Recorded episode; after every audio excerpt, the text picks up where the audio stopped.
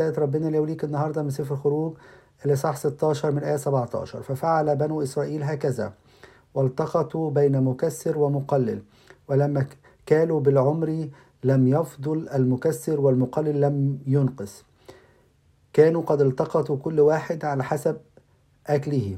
وقال لهم موسى لا يبقي أحد منه إلى الصباح لكنهم لم يسمعوا لموسى بل أبقى منه أناس إلى الصباح. فتولد فيه دود وأنتن فسخط عليهم موسى. الرسالة بتاعت ربنا اللي عايز يقولها لنا النهاردة ليا وليك النهاردة إن لازم يكون عندنا مبدأ الرضا ومبدأ البركة بتاعت ربنا. لما ربنا قال لهم اخرجوا اجمعوا من المن وكلوا من المن هنلاقي في ناس كترت عشان قلقانة إن هي ما تشبعش أو يحصل أي حاجة. وناس قللت قالت لا ناخد حاجة على قدي. وكانت راضية بالقليل ده لكن الحاجة العجيبة كده هنا هو يقول اللي كتر ما ما فضلش منه واللي قلل ما نقص منه.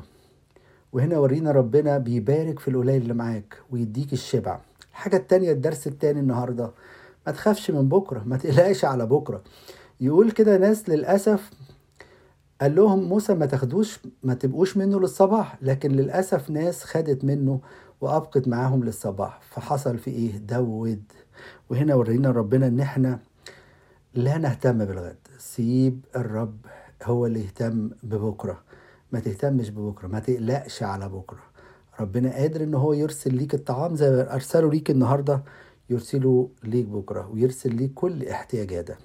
فربنا عايز يقول يقول لك النهارده البركة تكون في بيتك مهما كانت حاجات قليلة عندك وكمان الحاجة التانية لا تهتموا بالغد